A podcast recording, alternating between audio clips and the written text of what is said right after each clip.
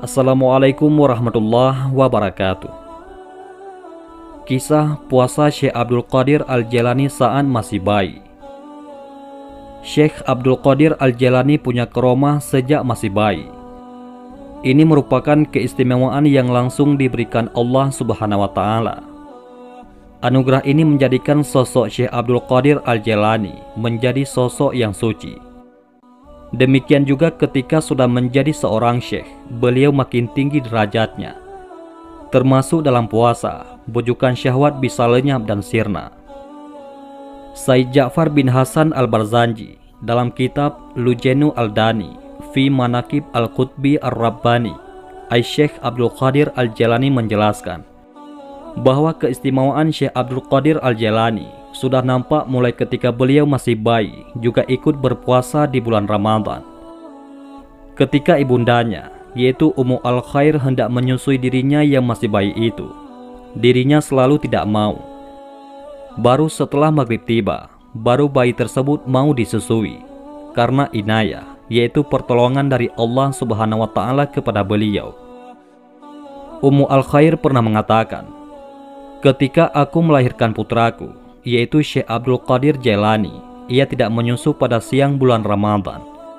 Karena ketidakmauannya menyusu di siang hari saat Ramadan itulah, maka Abdul Qadir kecil juga menjadi penanda masuknya bulan Ramadan." Dalam kisah Ibunda Syekh Abdul Qadir juga dikisahkan bahwa suatu saat ketika Abdul Qadir baru berusia sekitar satu tahun, bulan Ramadan pun kembali datang. Namun, masyarakat di kampung Syekh Abdul Qadir dilanda kebingungan. Apakah bulan Ramadan sudah masuk atau belum? Sebab saat itu langit sedang mendung, sehingga bulan tidak bisa dilihat. Maka masyarakat sekitar pun berbondong-bondong ke rumah ibunda Abdul Qadir untuk menanyakan bagaimana kondisi Abdul Qadir kecil. Saat ditanya para tetangganya itu, Ibunda Abdul Qadir menjawab, Hari ini ternyata ia tidak mau menyusu sama sekali. Ketika mendengar jawaban dari Ibunda Abdul Qadir itu, orang-orang pun akan tahu bahwa bulan Ramazan sudah tiba.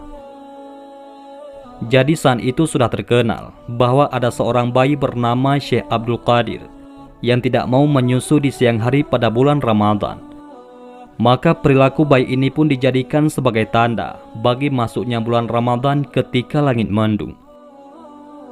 Terkait dengan peristiwa ajaib dari bayi bernama Abdul Qadir itu pula, Abu Salih yang mendapat informasi dari Khadi Al-Hudad menyatakan bahwa Syekh Abdul Qadir tidak mau menyusu pada siang hari di bulan Ramadan.